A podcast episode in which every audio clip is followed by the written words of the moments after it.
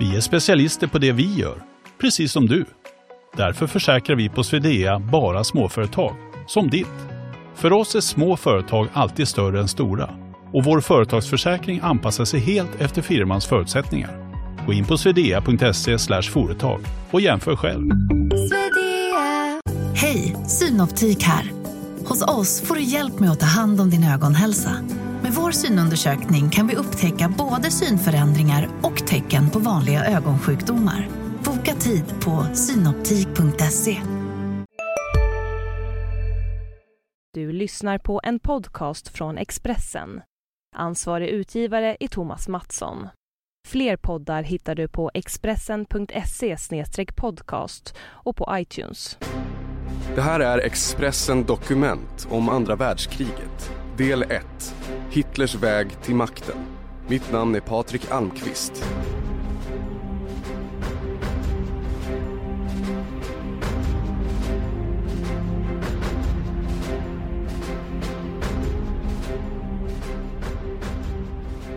Adolf Hitler hade andra drömmar då han var ung och luspank och levde bohemliv på ungkarlshärbärgen i Wien. Han ville bli berömd konstnär.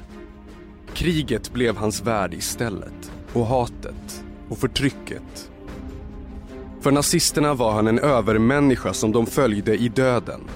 För eftervärlden är han ett ondskefullt monster.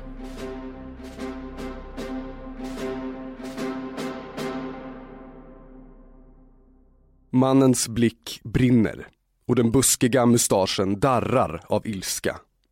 Han bär en lång skinnrock med järnkorset över bröstet och står på bordet i ölhallen med en sejdel i ena handen och en Browning-pistol i den andra. För att överrösta larmet skjuter han ett skott i taket. Hans röst ekar mellan de gamla stenvalven. Mannen är Adolf Hitler.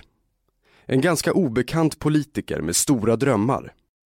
Ännu anar inte världen fasorna som ska komma. Det är den 8 november 1923. Platsen är Bürgenbräukeller i München. I salen har delstatens mäktigaste, ministerpresidenten Gustav von Kahr, generalen Otto von Lossow och polischefen Hans von Seisser ett stormöte. Det avbryts då Hitler och hans män stormar in. SA-männen riktar ett maskingevär mot häpna bajrare i läderhosen och tyrolerhattar. Lokalen är omringad av 600 Hitleranhängare från Sturmabteilung. Gardet som det nya nazistpartiet rustat består av soldater från första världskriget som inte fått något jobb att återvända till. Fanatiska Hitleranhängare och rena gangstrar. SA är ett järnrörsgäng, men med ännu farligare vapen. Hitler sätter pistolen mot huvudet på ministerpresidenten och tvingar honom och de andra styrande till ett enskilt rum. Männen får löften om höga poster i Hitlers nya regering. De säger att de går med på hans krav. Dagen efter marscherar Hitler och 2000 SA-män mot Bayerns krigsministerium. Vid Feldherrenhalle upptäcker de att löftena är falska. SA-männen möts av mur av poliser med gevären riktade mot dem. Hermann Göring skadas allvarligt av en kula i ljumsken. Hitlers axel vrids ur led då han faller intill en dödligt sårad partikamrat. Kuppen är ett fiasko. Hitlers plan var storstilad. Först ta makten i Bayern och därefter marschera mot Berlin. Så har hans idol Benito Mussolini gjort året före. Fascisterna vann landsbygden, sen tågade de mot Rom och tog över Italien. Hitler åtalas för högförräderi och döms till fem års fängelse. Fängelsetiden i den gamla fästningen i Landsberg am Lech blir ett enda långt politiskt träningsläger där Hitler planerar nästa steg mot makten. Han slipper de grå fångkläderna och klär sig i vit skjorta med slips och korta läderbyxor. I cellen dikterar han första delen av sin bok Mein Kampf och Rudolf Hess, den blivande rustningsministern, skriver ner. Han har sällskap av chauffören Emil Morris, ölkällarkuppens militäre befälhavare Hermann Kribel och frikårsledaren Friedrich Weber. Fångvaktare tilltalar honom med Heil Hitler. Supportrarna kommer med blommor, kakor och korvar.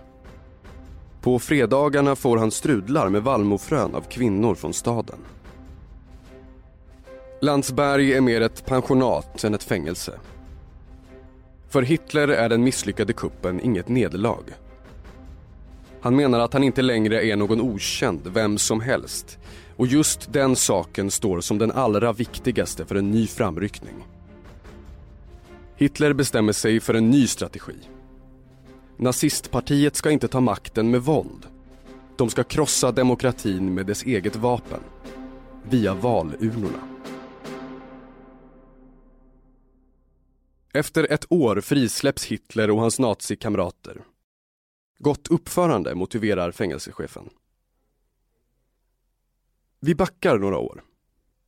1907 kommer Hitler till Wien, fylld av optimism och drömmar. Han vill bli konstnär. Två gånger söker han till konstakademin. Båda gångerna får han avslag. I Mein Kampf skriver Hitler att han inte kom in på högskolan eftersom det satt judar i juryn. Wien är på den här tiden en europeisk metropol. Kejsar Franz Josef härskar över ett imperium som sträcker sig in i dagens Ryssland och över Balkan. 50 miljoner människor styrs från Wien. Livet är hårt mot Adolf Hitler. Han sitter utanför Stefansdomen eller parlamentet och målar akvareller och vykort som han säljer till turister. Ibland tar han påhugg på byggen för att klara hyran på de enkla och lusiga ungkarlshärbärgen där han bor. Mat köar han för på kyrkornas soppkök. Hitler sitter på kaféerna när han har en slant över. Överallt pratas det politik. Den blivande fyren har inte brytt sig om ideologier tidigare. Nu blir han besatt. Inom honom gror ett djupt hat mot judar och slaver och en fruktan för de nya röda idéerna i öst. Germanerna är en överlägsen ras. Det är hans övertygelse. Särskilt intensivt är hans antisemitism. Hitler ger judarna skulden för allt som blivit fel i hans liv. För att han fått nobben från konstakademin, för att, anser Hitler, judarna uppfunnit kommunismen som han avskyr. Han är pank. Hans kärlek till konsten är obesvarad. Han har inga planer, ser ingen framtid. 1913 kliver han på tåget med två resväskor och flyttar till München. Orsakerna är två. Han flyr för att slippa bli inkallad i den österrikisk-ungerska armén samt att han fått ett litet arv efter pappa Louise som dött. Han är 24 år. En melankolisk ung man med en blandning av längtan och bitterhet i sinnet. Sommaren 1914 händer något som ger Adolf Hitler mening med livet. I Sarajevo mördas den österrikiske ärkehertigen Franz Ferdinand av den serbiske nationalisten Gavrilo Princip. Det blir början till kriget som blir det vidrigaste mänskligheten har upplevt.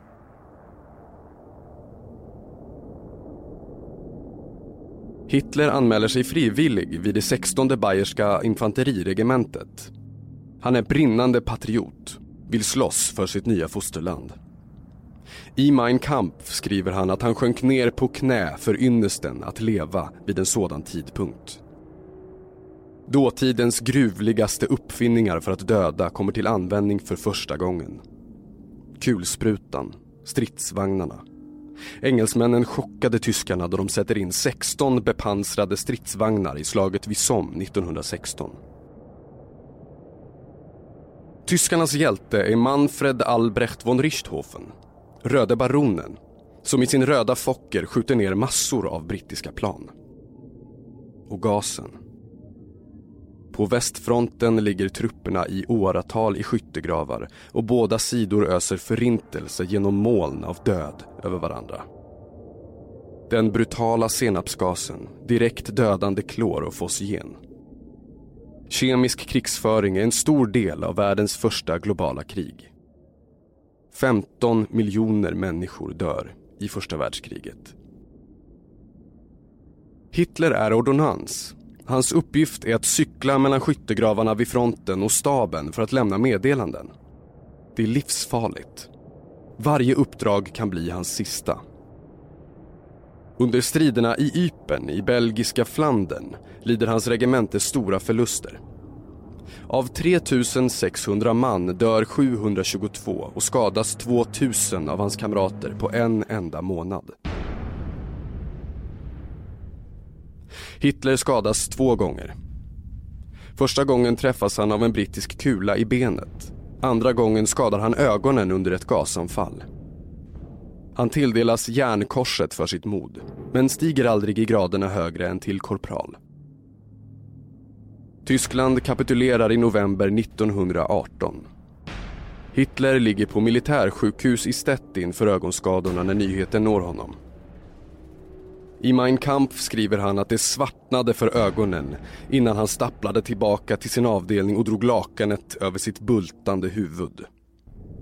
Han hade inte gråtit sedan sin mors begravning, men nu kunde han inte hålla tårarna tillbaka. Tyskland har besegrat Ryssland i öst och vunnit flera stora slag i västfronten. Inga fiendesoldater hade tagit sig över tyska gränser. Armén såg sig som segrare. Det är politikerna i Berlin som vill ha fredsavtal, inte tyska armén. Absolut inte korpral Adolf Hitler.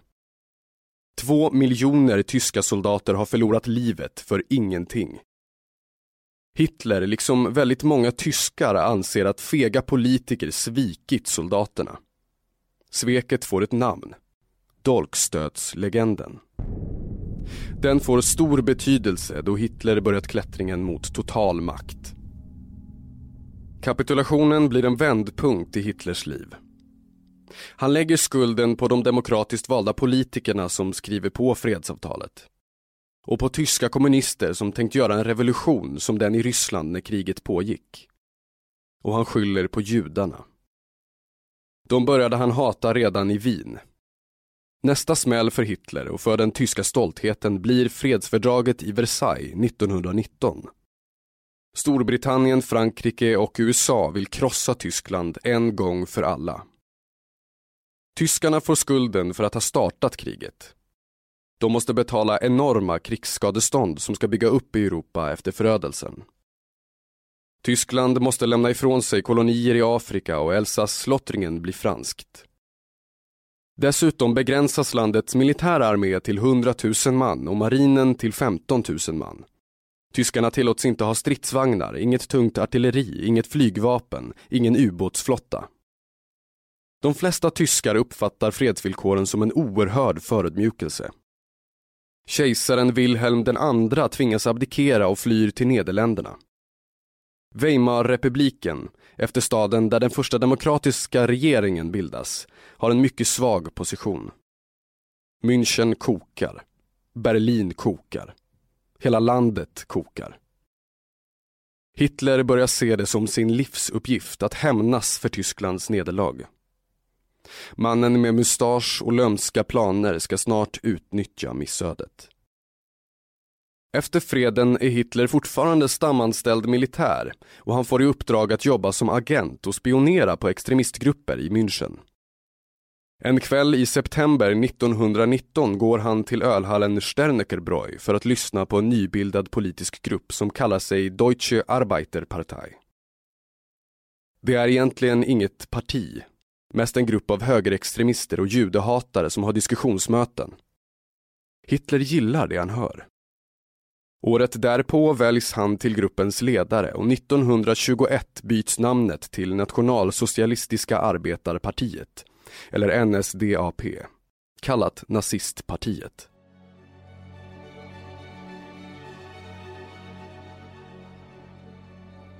Hitler ritar partiets flagga. Svart hakkors mot vit och röd botten. Han hittar på en hälsning som ska stärka gemenskapen Heil. Eftersom Hitler sitter vid ordförandebordet inleds mötena med Heil Hitler med höger hand uppsträckt ovanför axeln.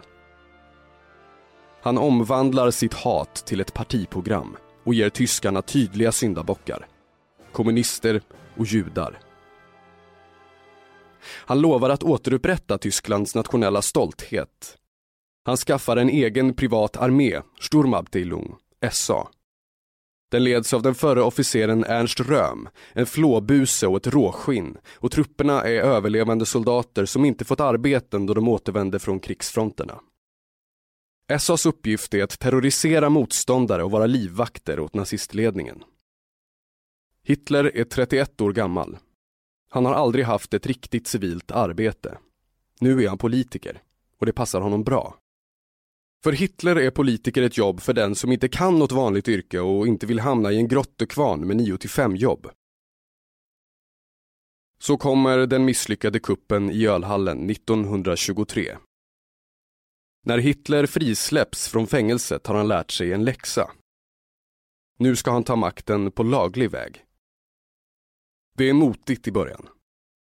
I München vet de flesta vem den lille mannen med den dundrande stämman är och han har starkt stöd bland konservativa bajrare.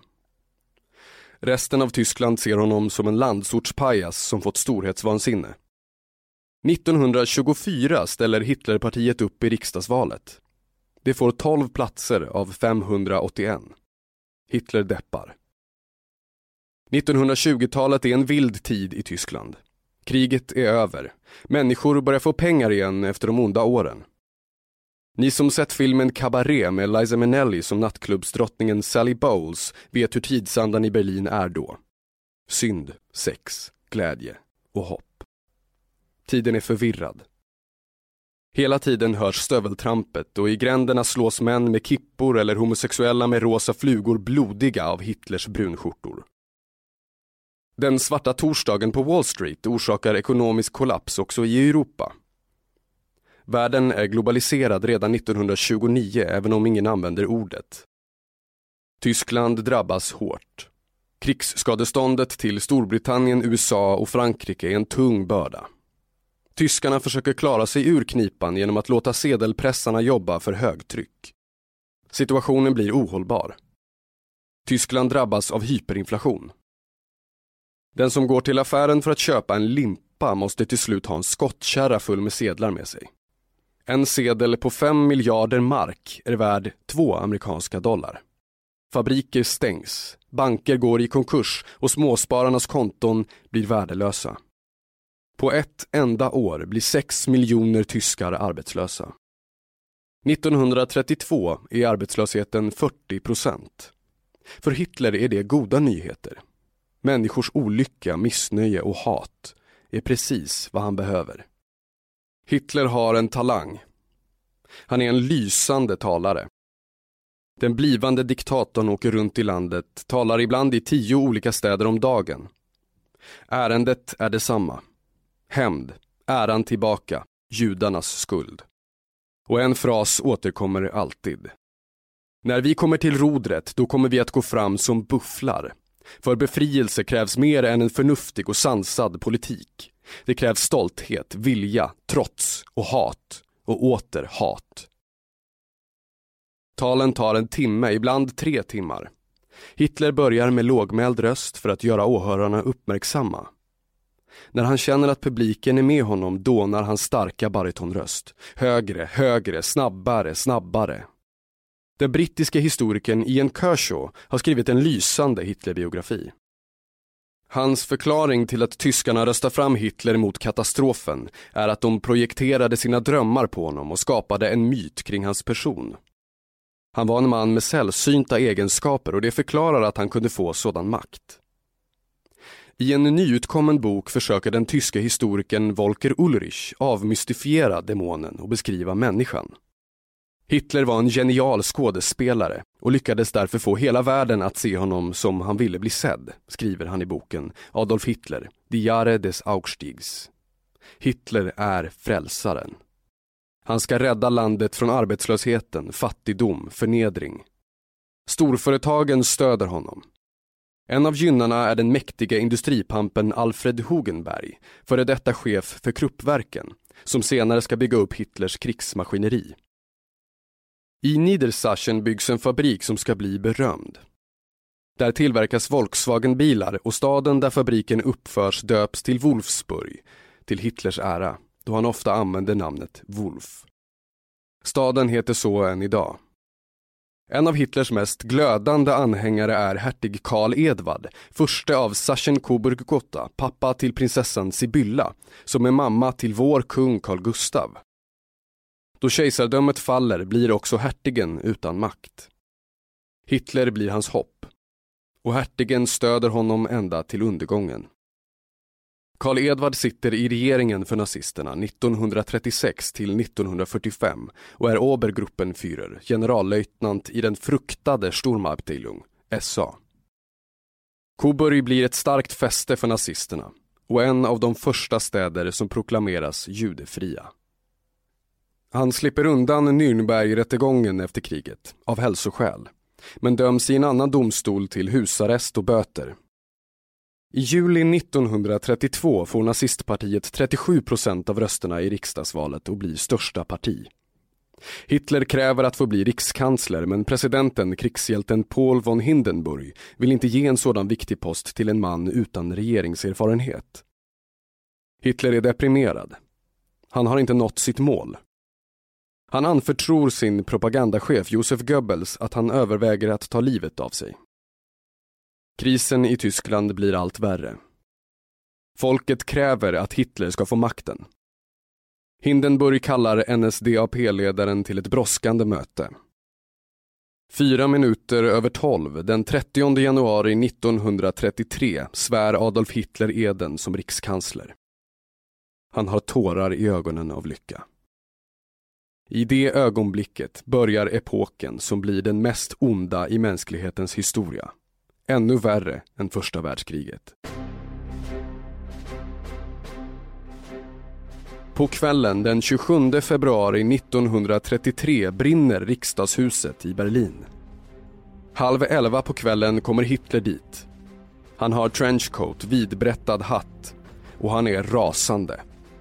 Tidningsreferat från partitidningen Welkischer Beobachter refererar morgonen efter. Branden är starten på en bloddrypande kommunistisk revolution. Kommunisterna är det enda partiet som hotar Hitlers ställning som rikskansler. De får skulden. Och i ett tal dundrar han att nu finns inget förbarmande. Den som ställer sig i vår väg slår vi ner. Varje kommunistisk funktionär skjuts på stället. De kommunistiska riksdagsmännen måste hängas redan i natt. Snabbt får Hitler veta att branden inte alls anlagts av tyska kommunister. Gärningsmannen är en nederländsk anarkist, 24-årige Marinus van der Lubbe, som grips i byggnaden, svettig och halvnaken. Han avrättas snabbt, innan tyskarna får veta sanningen. Med branden som orsak upphäver Hitler alla demokratiska rättigheter i Weimarförfattningen. Den dödssjuke presidenten Hindenburg undertecknar den unga tyska demokratins dödsdom. Nu börjar den skoningslösa terrorn.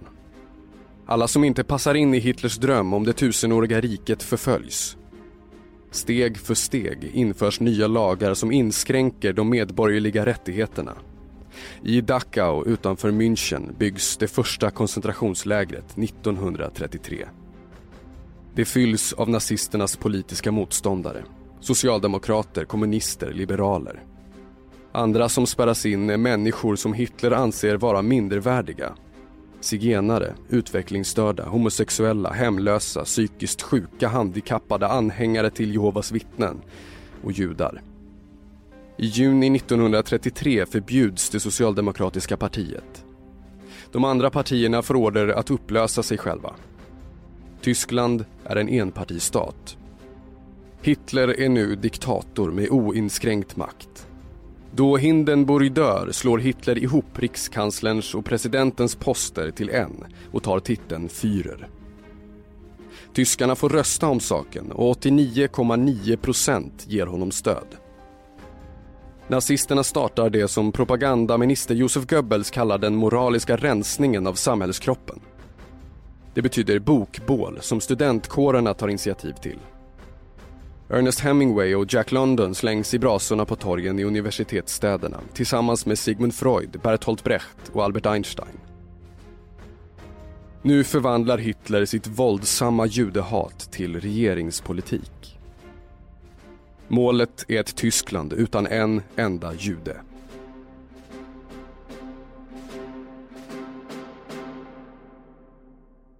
Steg för steg trappas förföljelsen upp. Hitlers redskap är hans nyinrättade hemliga polis, Gestapo, och de fruktade svartklädda med skärmössa med dödskallesymbol i SS, Schutzstaffel.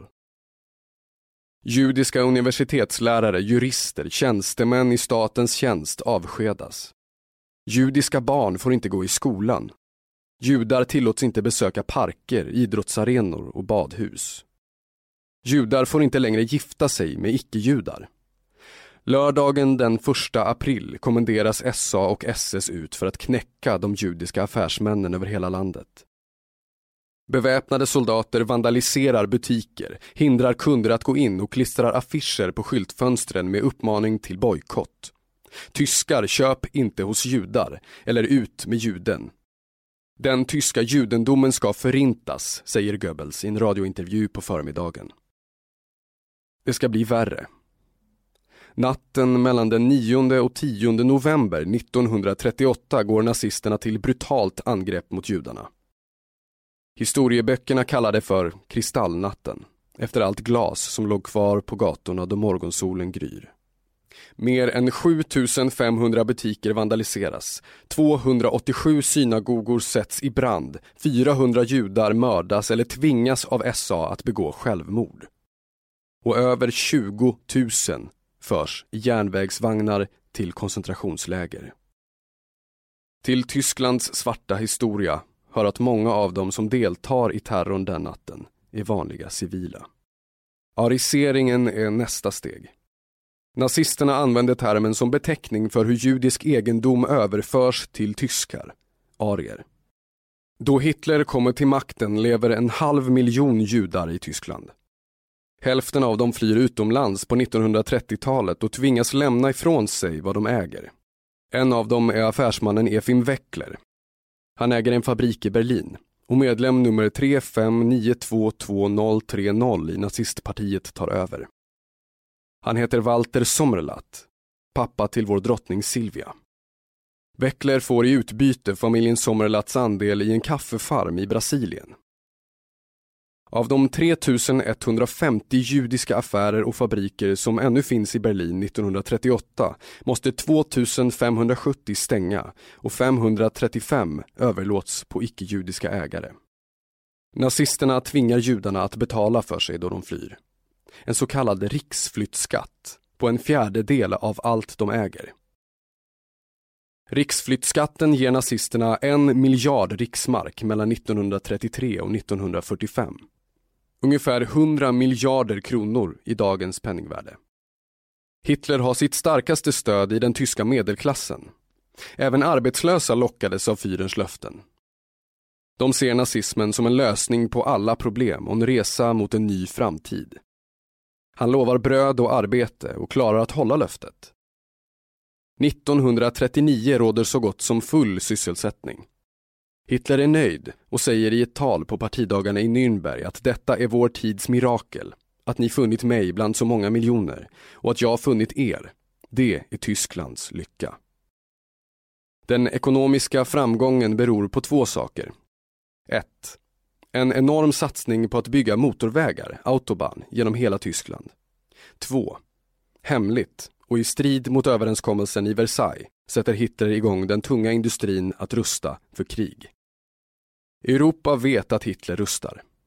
Britterna och fransmännen vet att han infört allmän värnplikt, börjat bygga krigsfartyg och stridsvagnar, att han skickat trupper till den demilitariserade renlandet vid franska gränsen. De vet att fyren skaffat sig mäktiga vänner. Benito Mussolini, fascisternas ledare i Italien, och kejsar Hirohito i Japan.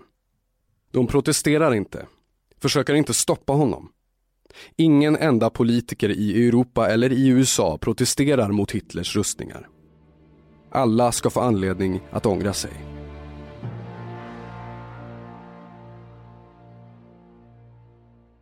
Hitler bestämmer sig för att testa gränserna. I mars 1938 marscherar Hitlers trupper in i Österrike. Efter månader av oro där Hitler hotat med krig om de österrikiska nazisterna inte får som de vill och ansluter sitt land till Stortyskland. Återigen förblir britterna och fransmännen passiva. I april 1938 röstar 99,75 procent av österrikarna för att deras land ska förenas med Tyskland. Nästa offer blir Tjeckoslovakien. I regionen närmast gränsen mot Tyskland, Sudetenland, bor tre miljoner tysktalande och majoriteten av dem sympatiserar med nazismen. Den tjeckiske presidenten vill ha hjälp av Frankrike och Storbritannien för att avvärja Hitlers hot att annektera sudetyskarnas områden. Premiärminister i Storbritannien är Neville Chamberlain, en mustaschprydd stilig herre, vänlig och lågmäld, kompromissvillig och totalt utan erfarenhet av tuff utrikespolitik. Chamberlain kommer till Hitlers Berghof i de tyska alperna för att förhandla. Hitler fullständigt krossar den försynte Chamberlain med argument. Till sist slutar mötet med att Chamberlain och Hitler är överens. Sudetenland ska överlämnas till Tyskland. Chamberlain flyger hem till London och hyllas som en fredshjälte. Vi har skapat fred i vår tid, säger premiärministern. Så fel han hade. Så fel alla hade. Sex månader senare går nazisternas armé över gränsen och ockuperar resten av Tjeckoslovakien. Det är den 15 mars 1939. Hitler är inte nöjd. Tyskland ska ha Lebensraum, livsrum. Sex månader senare börjar andra världskriget. Du har lyssnat på Expressen Dokument om andra världskriget. Del 1.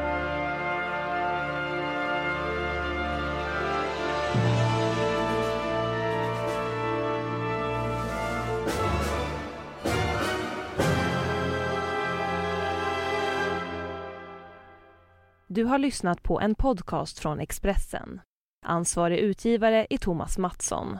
Fler poddar hittar du på expressen.se podcast och på iTunes. Kurrar i magen och du behöver få i dig något snabbt? Då har vi en Donken deal för dig. En chicken burger med McFeast-sås och krispig sallad för bara 15 spänn. Varmt välkommen till McDonalds. Hej, Susanne Axel här. När du gör som jag och listar dig på en av Krys vårdcentraler får du en fast läkarkontakt som kan din sjukdomshistoria. Du får träffa erfarna specialister, tillgång till lättakuten och så kan du chatta med vårdpersonalen. Så gör ditt viktigaste val idag, lista dig hos Kry.